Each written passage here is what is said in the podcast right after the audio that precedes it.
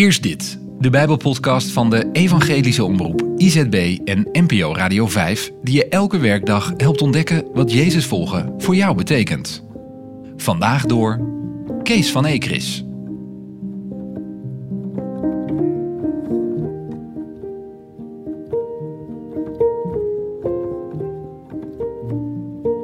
We lezen vandaag uit de Korinthebrief, hoofdstuk 2 vanaf vers 10. God heeft ons dit geopenbaard door de geest, want de geest doorgrondt alles, ook de diepte van God. Wie is in staat de mens te kennen, behalve de geest van de mens? Zo is alleen de geest van God in staat om God te kennen.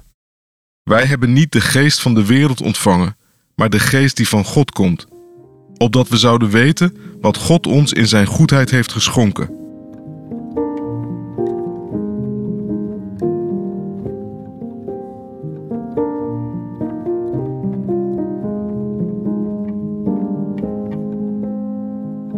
De zwakte en de zonde van een samenleving zie je terug in de kerk.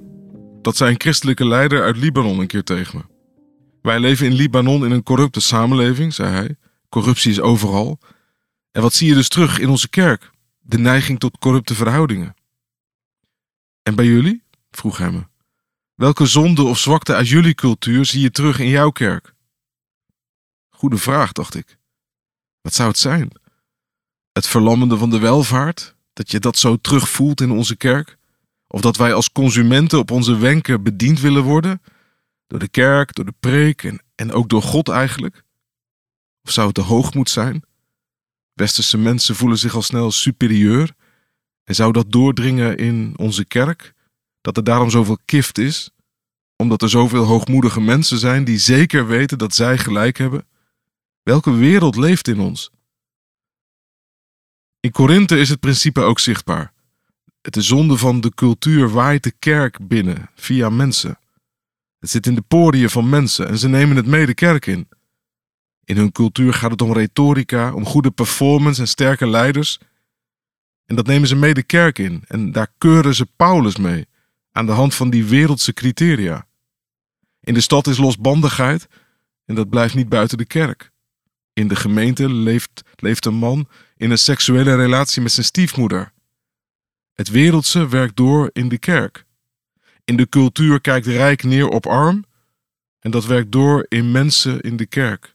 De avondmaalsviering wordt verstoord doordat rijke mensen samen avondmaal willen vieren en de armen in de keuken van de restjes mogen eten. Doe niet zo werelds, zegt Paulus. Wij hebben niet ontvangen de geest van deze wereld.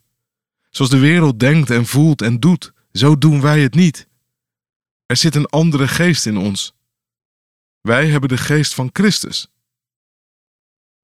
Goed om diep door te laten dringen, die vraag: welke geest leeft in jou?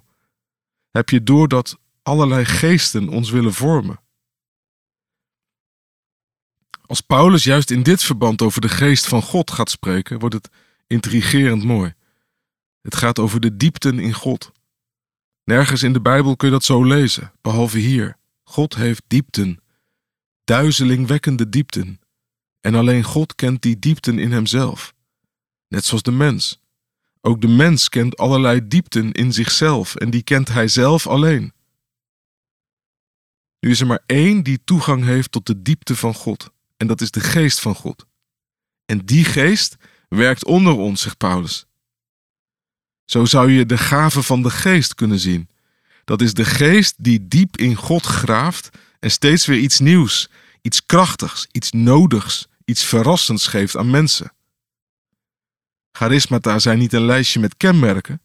Charismata zijn attacks of grace, aanvallen van Gods genade tegen chaos, ongeloof, lauwheid.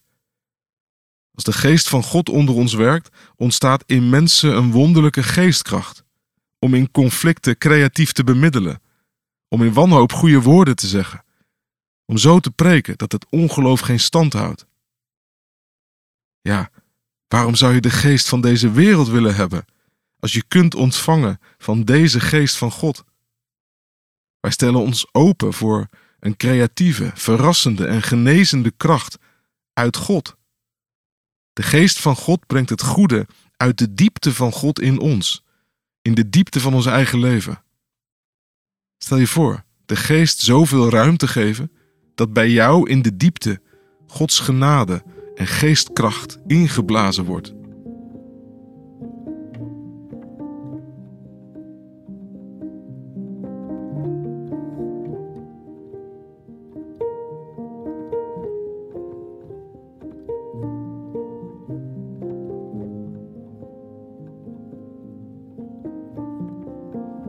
Heere onze God, geef ons de geest van Christus steeds opnieuw.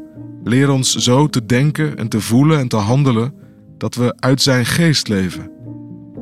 Drijf uit ons midden uit wat uw gemeente stuk maakt: de hoogmoed, de lauwheid, de angst om te lijden. Geest van God, die in uw diepte woont, woon ook in ons, in de diepte van ons leven. Amen.